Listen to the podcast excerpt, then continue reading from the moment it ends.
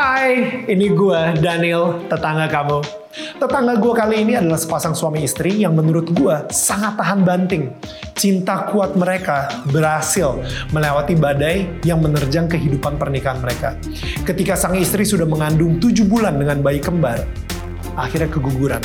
Dan jujur sangat tidak mudah untuk kembali dari bencana seperti itu dan seperti mereka sekarang. Langsung aja kita samperin tetangga gue. Hai, ini gue Daniel, tetangga kamu. Amar Zoni dan Iris Bella.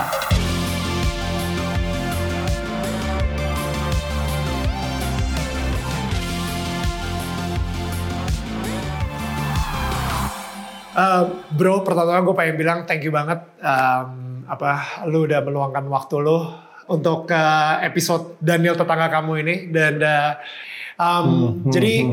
sekarang ini sih kayak mungkin banyak yang nggak tahu juga ini bagi para penonton yang lagi nonton actually gue satu manajemen hmm. sama Amar kita punya kita punya hmm. manajer yang sama uh, Johandi Yahya jadi gue pengen shout out dulu ke Joe yang Bang Joe Bang Jo.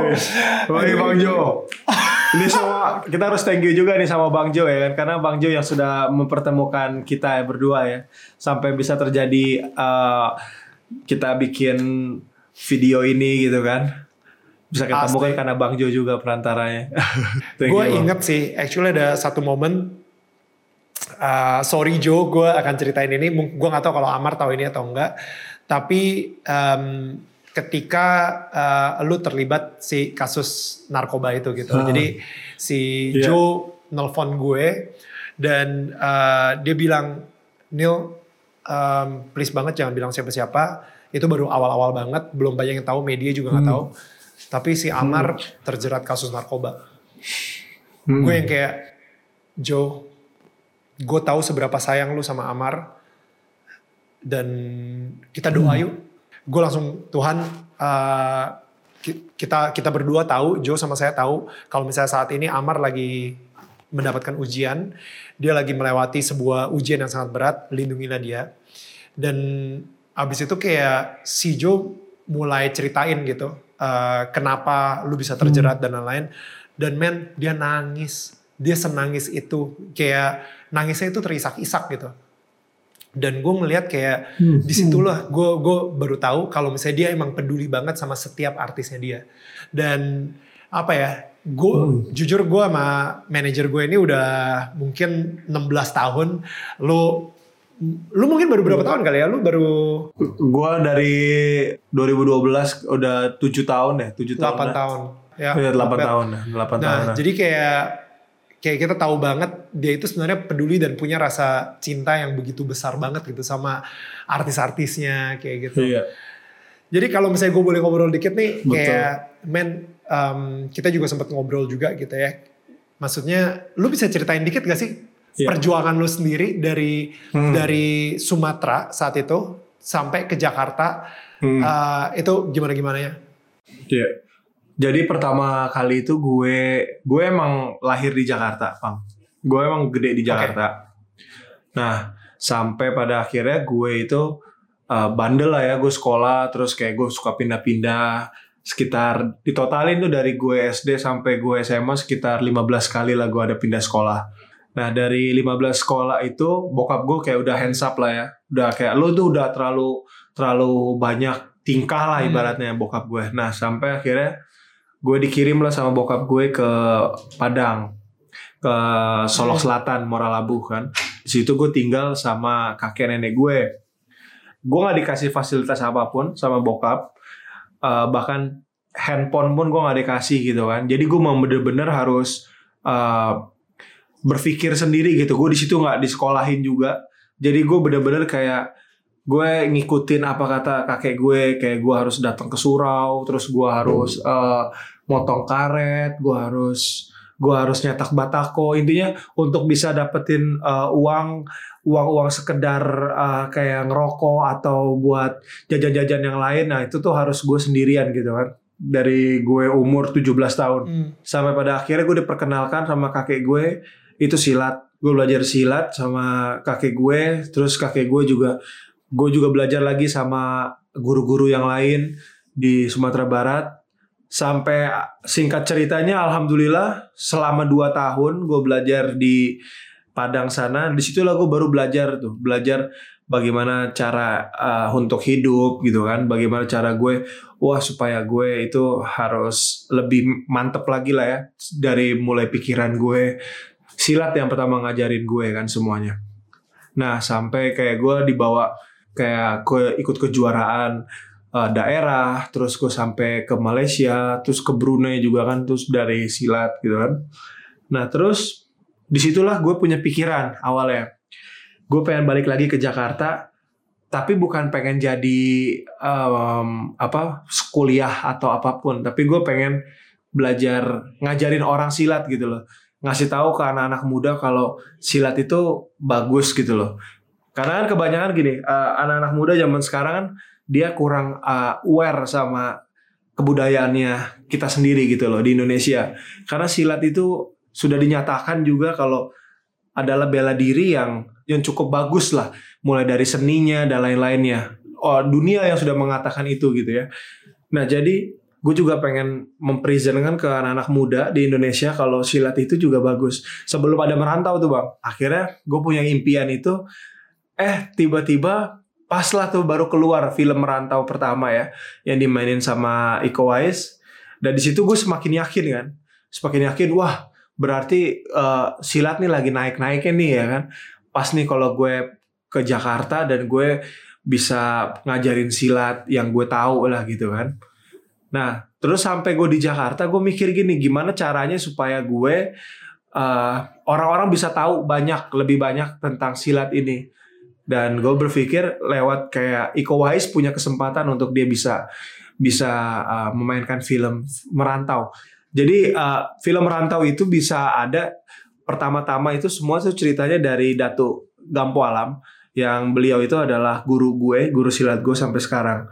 Nah, coba masalahnya waktu itu kan memang gue masih umur kecil ya, masih umur umur 17 tahun. Jadi kan gue nggak nggak belum belum bisa dikatakan untuk bisa main film merantau gitu kan. Tapi gue punya ambisi untuk itu.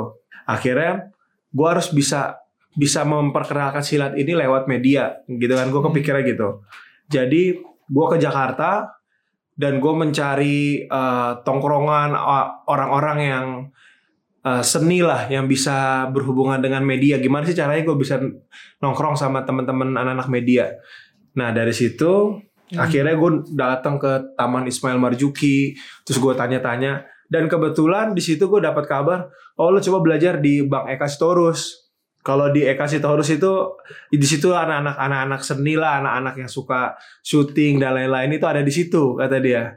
Nah, akhirnya gue ketemu yeah. sama Bang Eka Sitorus nih. Nah, dari Bang Eka Sitorus akhirnya tadinya gue pengen uh, silat, akhirnya mengarah ke seni peran gitu kan. Ya. Akhirnya kurang lebih gue belajar sama Bang Eka Sitorus itu sekitar dua setengah tahun dan dua setengah tahun itu dari gue murid sampai gue kayak ikut sama Bang Eka untuk ngajar anak-anak kecil di Kidzania gitu kan tentang acting dasar-dasar acting seperti apa gitu loh. Lu gelombang berapa sih sama Bang Eka? Gue gelombang 24. Lu gelombang, gelombang berapa? 6. nah ya kan. tuh, gue gue tuh gue gitu kan. Pas gue lihat kan, wis foto lu masih ada kok di situ ya. Tuh foto zaman kapan gila. Tapi iya sih gila itu zaman itu. Lu bentar, lu udah ketemu Bang Jo belum sebelum lu kayak kasih Torres? Lu kayak disuruh kayak kasih Torres? Belum ya, belum ya teh. Hmm. Belum. Oke okay, oke. Okay. Belum sampai pada akhirnya dari gue udah belajar belajar akhirnya gue menikmati juga karena gini ternyata setelah gue pikir-pikir waktu itu gue belajar silat kenapa gue bisa mencintai silat karena gue cinta dengan kebudayaan Indonesia yang which is itu adalah seni gitu kan yang berhubungan dengan seni tarian silat itu kan dia berhubungan dengan seni tari terus seni seni uh, apa sih defense gitu kan offense segala macam itu kan ada seni seninya semuanya deh dan gue belajar di seni peran juga ternyata oh ya berarti gue udah nemuin tuh. Gue berarti cinta sama seni gitu kan. Gue suka nih sama sama berhubungan dengan kesenian apa pun gitu kan. Dan setelah gue belajarin itu tibalah gue um, ini cerita nih bener ini real banget. Jadi gue nganterin temen gue nih bang. Nganterin temen gue di uh, PH kaki langit. Jadi ceritanya ini hanya simple banget. Gue cuman uh, mempersilahkan duduk. Karena memang gue belajar dasar-dasar uh, kesopanan juga gitu ya di di Sumatera Barat. Kalau ada orang tua ya pasti tentu kita harus memberikan mempersilahkan tempat duduk gitu sama yang lebih tua daripada kita gitu kan. Akhirnya gue silah mempersilahkan dia duduk. Dan beliau itu duduk akhirnya beliau kayak nanya lo dari mana? ya kan. Terus gue bilang gue nganterin temen gue ini cuma gue nganterin temen gue doang ke PH ini kan. Terus lo bisa acting nggak segala macem bla bla bla. Dan gue bilang oh iya kebetulan gue emang anak Eka Sitorus gitu kan. Asik nah akhirnya dia minta gue langsung tembak. dia iya dia minta gue untuk coba lo uh, kasih gue monolog satu dong ya kan. Coba monolog gue mau tahu lo bisa bermonolog lo pasti di Eka Sitorus lo belajar semua tentang monolog William Shakespeare dan uh, Konstantinowski itulah segala macam akhirnya gue kepikiran lah akhirnya gue bawain lah monolog short friendship waktu itu. Dan disuka akhirnya percaya atau enggak wow. itu gue langsung di situ gue dinobatin sebagai peran utama langsung di film Retak Gading. Ya. Nah ternyata lawan-lawan gue, wih Selamat Raharjo ya kan, Jajang Cek Nur, Christine Hakim, terus uh, Miss Indonesia, gue bilang wah gue itu berasa kayak ya itulah kalau ngomongin masalah Tuhan itu Tuhan itu bener-bener kalau di Islam kun fayakun jadi maka jadilah gitu kan, Ya. jadi nggak ada yang nggak mungkin, cuman cetikan jari doang tuh langsung berubah hidup gue gitu tiba-tiba, wih Ya. gue langsung main film layar lebar gitu kan. Nah sudah berjalan live film layar lebar di situ gue ketemu lah sama Bang Jo. Nah waktu itu jadi ada ada apa ya? Ada Bang Jo kayak mencari kan Bang Jo, gue kan juga pernah ikut aneka yes bang. Ya. Jadi jadi Gua jadi ini ya, apa senyum senyum anekanya gimana senyum anekanya? Tiga jari dong.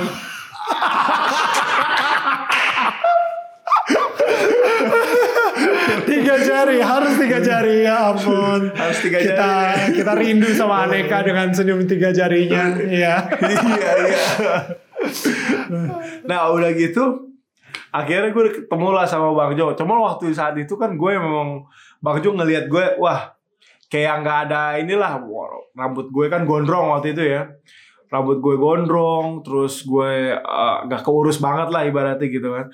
Nah di situlah bang Jo eh, pertama pertama gue agak-agak takut kan. Lo lo main ke rumah gue pasti gitu kan bang Jo kan. Ayo main ke rumah gue ya kan. Lo nong ke rumah gue ih gue ngeri kan. Buset, gue udah sudah ajak ajakin main ke rumahnya aja nih ya kan Ke Cibubur pula jauh banget gitu kan kayak wah. Iya, ke Cibubur lagi ya kan. Iya bang, iya, iya deh, iya deh. Nah pas gue main ke rumahnya, nah di situlah gue ketemu sama sosoknya Johan Dihaya yang betul-betul menurut gue dia sang motivator yang selalu berbicara itu gue ngutip semua kata-katanya dia gitu kan. Oh gue diajarin itu belum belum manajemen atau apa pun nggak ada tuh. Jadi kayak secara secara personal aja dia kayak membicarakan tentang um, motivasi bagaimana caranya kita untuk jadi seorang aktor, bagaimana caranya kita harus begini ya kan.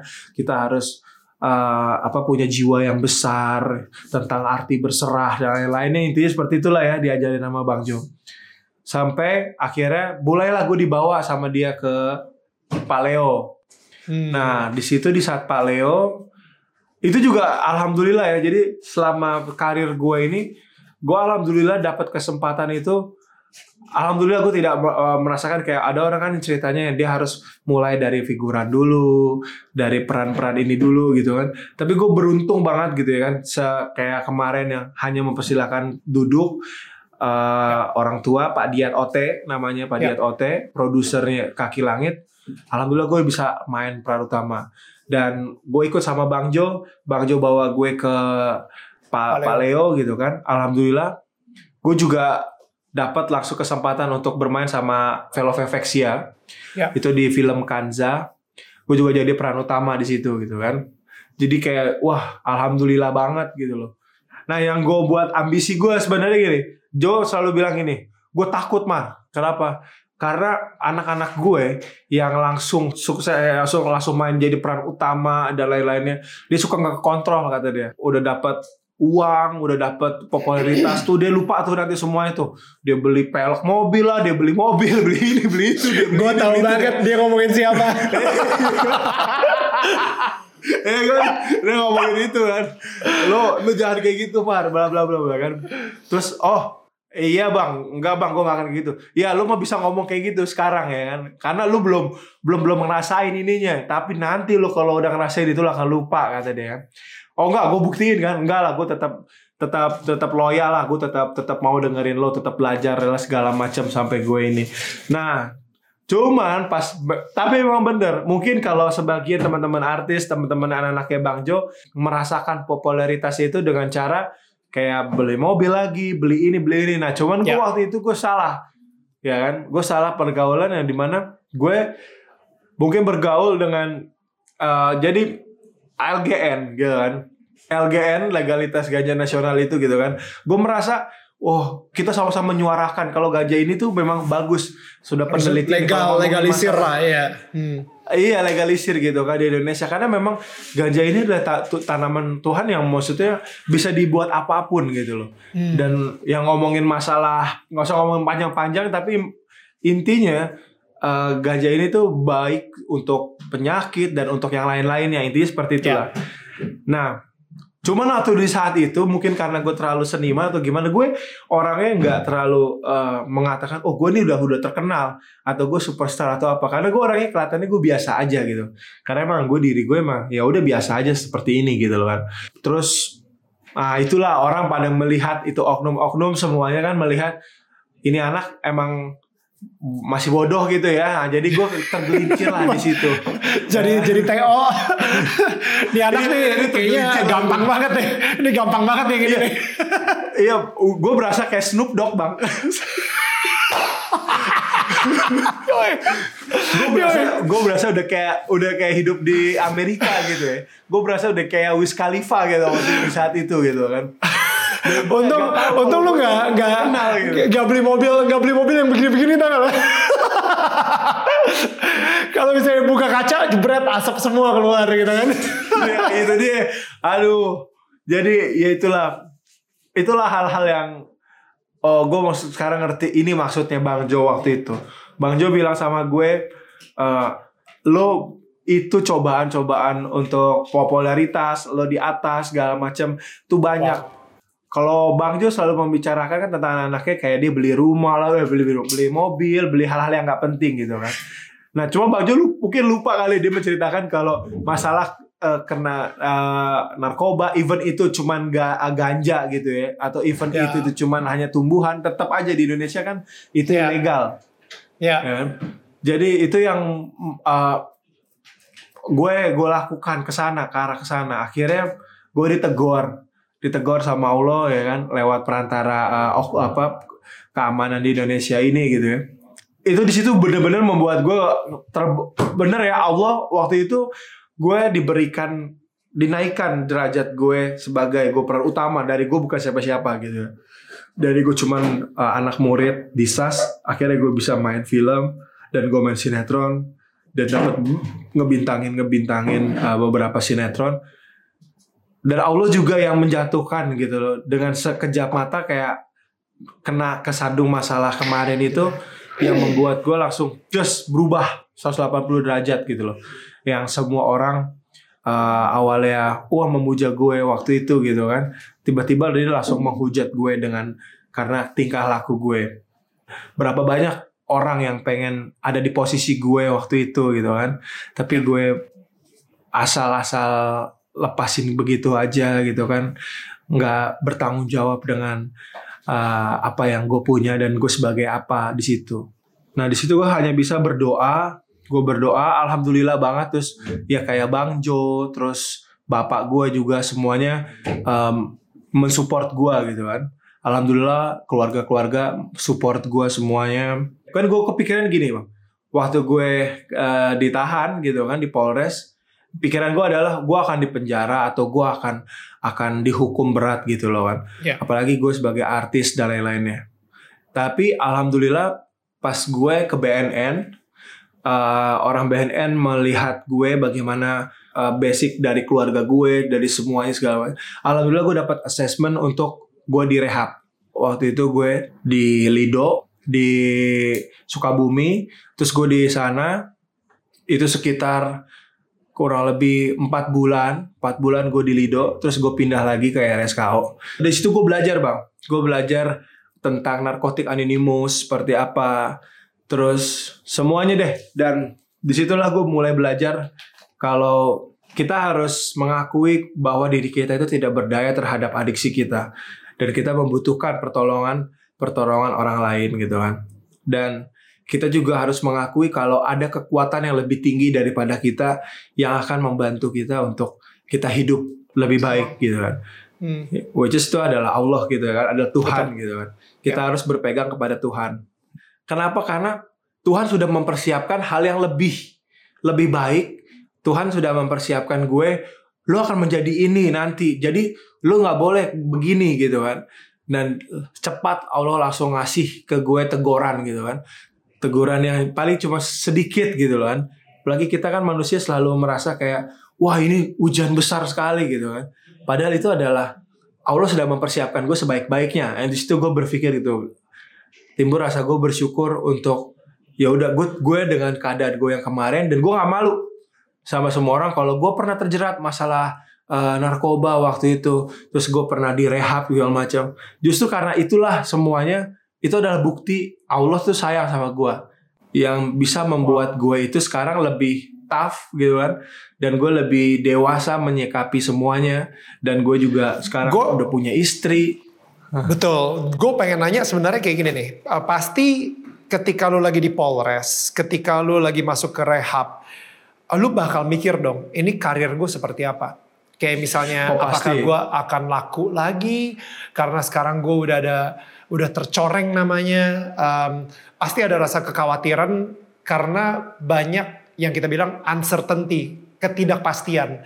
You know, ketakutan-ketakutan seperti itu, itu gimana sih lu cara ngelawannya saat itu? Iya. Jadi pertama kali itu sih gue bilang ya pas gue di Polres itu rasanya gue kayak udah kalau ada silet ah, gue potong deh nadi gue dari rasanya gitu kan gue karena gue udah bener-bener kayak udah terpuruk banget gitu kan udah terpuruk karena malu sebenarnya gue, juga ya. Kayak lu kayak udah iya, gue malu, malu karir gue udah hancur orang-orang udah akan memandang gue rendah mendingan iya. kayak gitu kan. Apalagi dalam satu ruangan itu 24 jam kita makan di situ buang air di situ kencing di situ semuanya gitu kan. Udah parah deh apalagi orang lalu lalang motoin gua, videoin gua gitu. Ya ini sih ini nih, ini yang main ini, ini main itu kan. Jadi kayak beban sosial itu lebih lebih dalam banget gitu kan yang gua rasain di saat itu. Tapi yang gue inget dari bokap gue bilang, kamu nggak perlu mikirin apa yang akan terjadi nanti ke depannya. Yang paling penting adalah bagaimana cara kamu menyikapinya sekarang. Uh. apa yang Iya, apa yang kamu sikapi saat ini itu yang akan menentukan kamu ke depan nanti seperti apa. Wow. Jadi wow. itu yang gue selalu ingat gitu kan. Bagaimana cara gue harus bisa menyikapinya. Jadi ada di narkotik anonymous juga uh, peribahas uh, kata-katanya itu yang di mana kita itu harus mencintai diri kita sendiri, yang mana kita harus deal kepada diri kita kalau kita sama diri kita aja kita masih menipu diri kita sendiri gitu kan. Terus bagaimana sih siapa yang bisa kita andalkan lagi gitu loh? Itu hubungan lu dengan Allah ketika uh, lu terjerat kasus narkoba which is like ganja gitu ya. Um, tapi sebelum itu gue pengen nanya hubungan lu dengan Allah ketika lu berumur 12 tahun dan um, nyokap lu meninggal gitu. Hmm gue pengen tahu sih kayak perasaan lu gimana dan dan maksudnya udah pasti sedih gitu. Tapi hubungan lu dengan Allah sendiri gimana saat itu gitu? Kayak pasti lu ngerasa itu nggak adil banget atau pelajaran apa atau hikmah apa yang lu bisa ambil dari situasi itu gitu? Ya yeah. uh, yang pasti di saat itu gue betul-betul sangat menyesal sama tindakan gue sih hal yang paling membuat gue sedih banget waktu terakhir kali gue ketemu sama nyokap gue. Terakhir kali gue bisa ngelihat nyokap gue itu ada tubuhnya masih bergerak gitu di mata gue. Itu di saat gue gak mau dengerin apa keinginan mak gue. Itu membuat gue sangat menyesal. Jadi nyokap gue tuh suruh gue untuk pulang. Nyokap gue kan sakit. Jadi waktu itu gue masih kelas 6 SD gue disuruh pulang cuman gue nggak mau pulang karena gue masih pengen uh, stay lah ya di rumah sakit. Dan gue minta di apa ya yeah. gue di situ sempat berdebat gitu loh. Hmm. berdebat lah gue sama nyokap gue dan nyokap gue sampai ngomong uh, Amar mama udah udah udah seperti ini gitu loh. Keadaannya udah seperti ini. Amar kok masih gak mau dengerin uh, mama gitu. Itu yang uh, sangat Tuhan ya gue sangat kalau udah mau ceritain kayak gitu jadi kayak keinget lagi gitu loh. Ya itu pengalaman gue yang paling buat gue sedih ya gue nggak mendengarkan omongan orang tua gue di saat hari terakhir gue ketemu sama nyokap gue yang malamnya nyokap gue udah meninggal gitu. Dan gue juga nggak ngelihat nyokap gue pas nyokap gue meninggal karena gue gue berantem sama nyokap gue gue langsung pergi gitu aja gitu loh. Itu penyesalan yang betul-betul sakit banget gitu ya. Dan ternyata gue gak ketemu lagi sama nyokap gue di hari itu terakhir kali gue ketemu nyokap gue tapi alhamdulillah saat ini gue udah udah memaafkan diri gue sendiri gue udah berdamai sama diri gue sendiri gimana cara lu berhasil maafin diri lu sendiri? Ya gimana caranya? Saat ini itu udah cukup lama ya. Semenjak itu gue nggak gue berubah total. Makanya itu dia gue kayak jadi bandel banget. Gue jadi kayak gue main pergi asal pergi aja. Gue nggak peduli gue tinggal gue kayak gue naik kereta di atas gitu kan gue terus gue bergabung sama anak-anak pang terus gue jadi kayak kayak gembel lah gitu ya kayak gue ngegembel uh, ikut-ikutan gue uh, kayak ngamen ikut-ikutan ini semua waktu gue SMP gitu kan hati gue tuh kayak ngebrontak dan gue tuh kayak nggak terima gitu loh. Dan kalau untuk masalah agama juga waktu di saat itu gue kayak gue gimana gue kayak gue benci banget gitu loh. Kenapa itu harus terjadi sama gue gitu kan? Gue gue kayak gue sama Tuhan pun gue juga nggak nggak ini gitu waktu di SMP. Nah itu bagaimana cara gue bisa deal sama diri gue waktu pas gue silat di situ guru gue bilang kalau semua runtutan-runtutan rasa yang udah gue laluin semua itu itu adalah sebuah jalan cerita untuk gue bisa menemukan Tuhan. Sebenarnya gue waktu itu kan gusar, gue waktu itu gue kayak nggak peduli dan segala. Sebenarnya itu gue sedang mencari, gue mencari kepastian hati gue gitu kan. Gue mencari kepastian tentang Tuhan itu ada gitu Tuhan itu ada, Tuhan itu mengatur segalanya dan kita pun juga pasti akan mati semua gitu kan. Riz, thank you banget.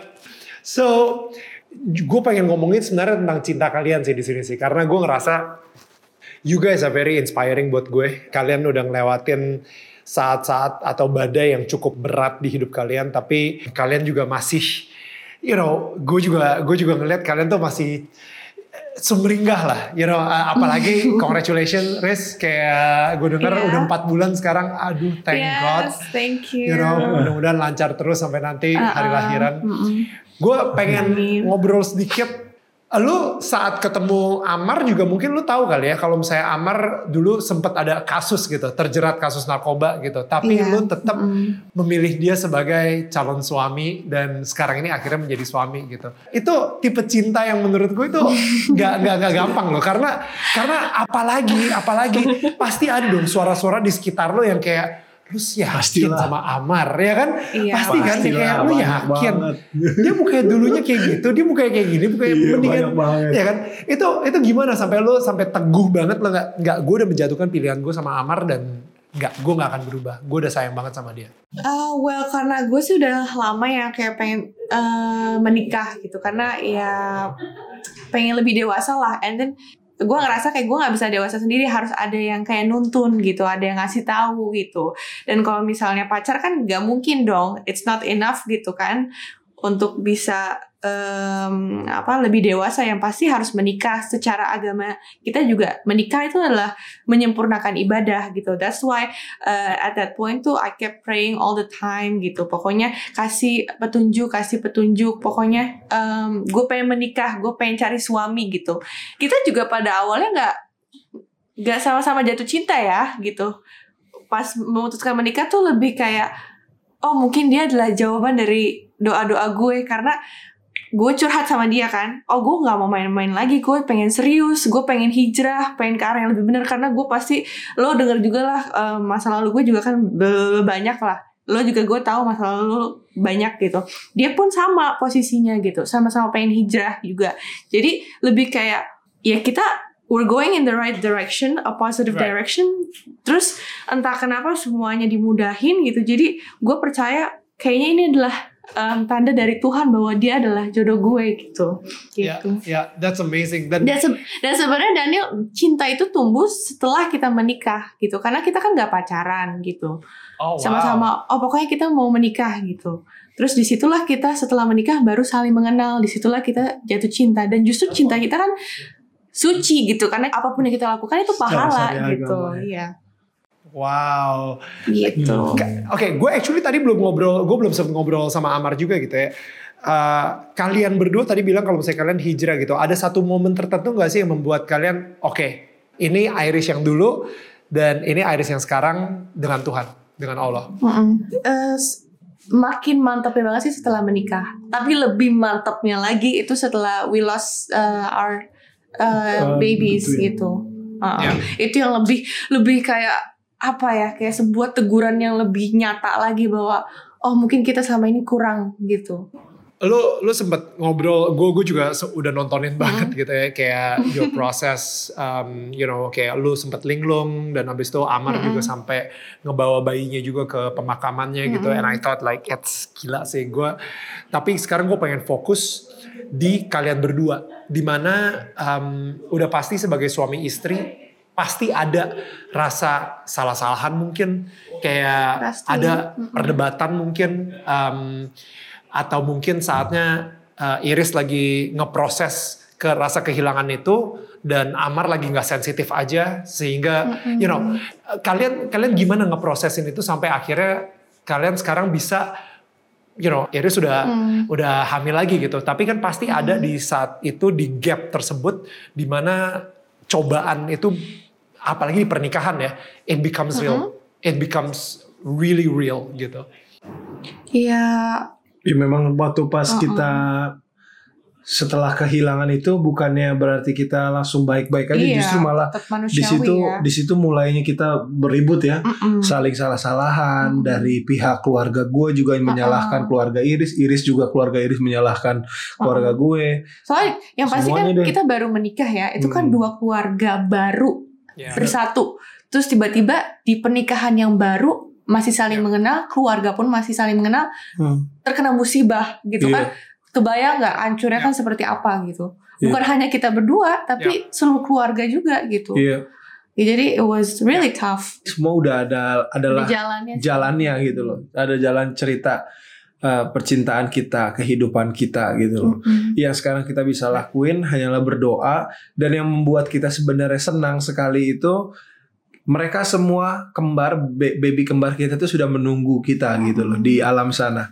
Yeah. Dan ada tujuannya kenapa Allah memberikan kita tuh bayi kembar yang which is gue nggak punya keturunan kembar mm-hmm. dan Iris pun juga sama dia nggak ada keturunan kembar sama sekali dan kita dikasih kembar perempuan gitu kan dua perempuan kembar. Yang ya which is saat ini mereka udah jadi bidadari lah ya yeah. di sana.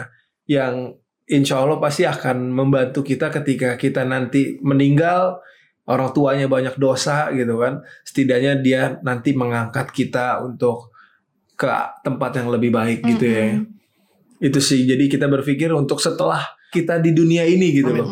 Karena kan di dunia ini nggak akan lama gitu ya bang ya. Hmm. Umur kita paling kalau di Islam itu kan 60 tahun.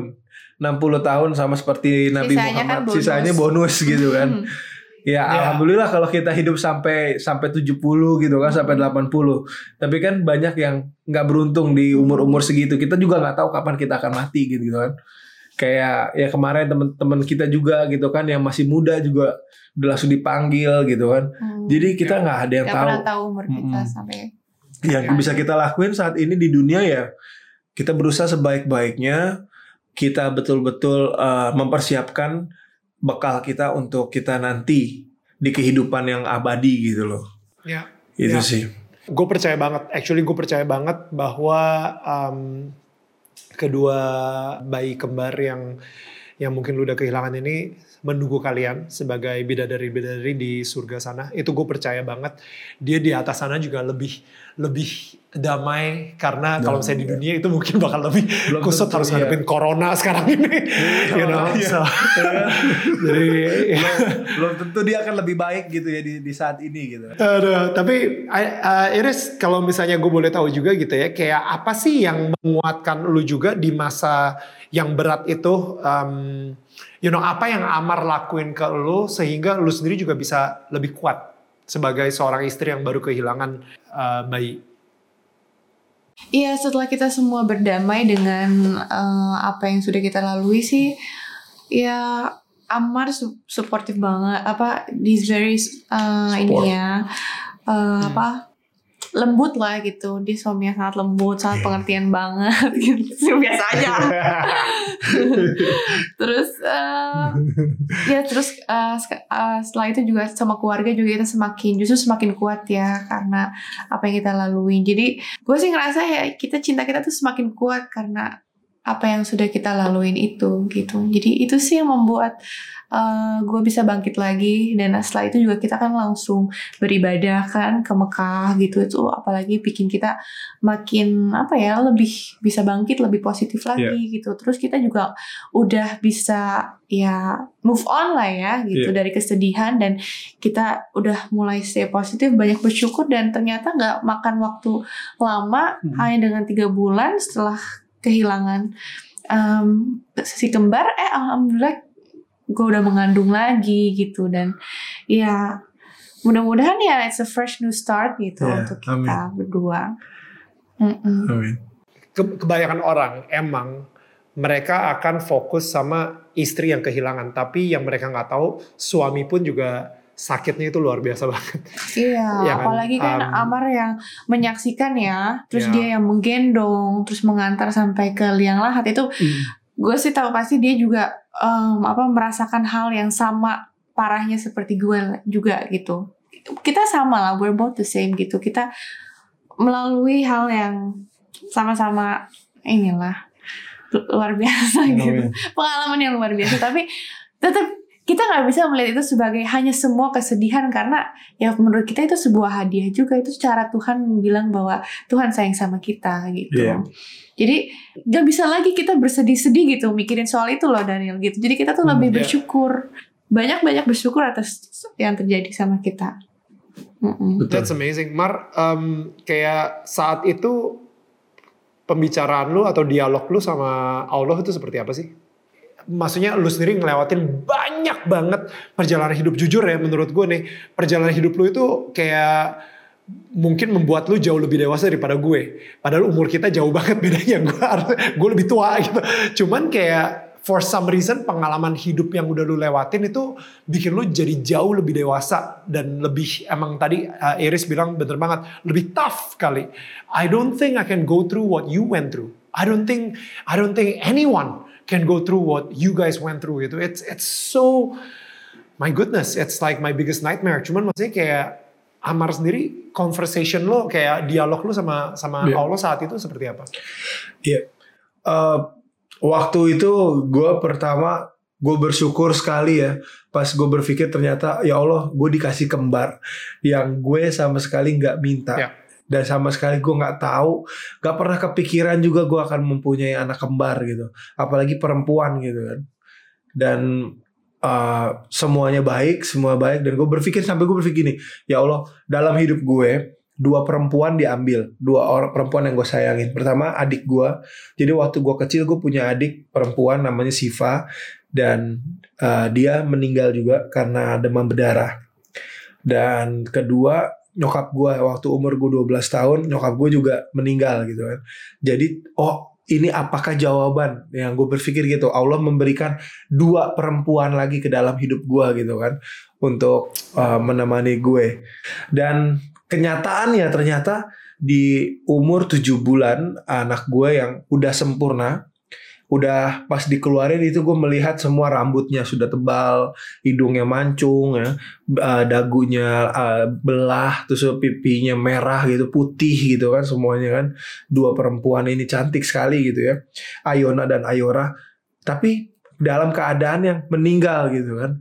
Yang di situ gue berpikir ya Allah, apakah semua ini gitu kan? Di situlah mungkin menurut gue Allah memberikan pertanyaan seperti itu yang harus gue jawab apakah gue mau mencintai pencipta atau gue mencintai ciptaannya aja gitu loh. Karena balik lagi seperti yang gue bilang, kita semua pasti akan mati dan ketika kita mati kita akan sendirian. Kita nggak akan sama ibu kita, kita nggak akan sama anak kita, kita nggak akan sama istri kita, kita cuma sendirian. As a personal kita sama Tuhan gitu kan. Dan di situlah spiritual yang gue laluin adalah ya gue harus betul-betul berserah jadi ya kita gue belajar untuk lebih banyak berserah lagi ikhlas, ya. dan ikhlas itu yang paling penting sih. Kalau Iris sendiri gimana? Like um, dialog lu dengan dengan Allah seperti apa? Iya, gimana ya?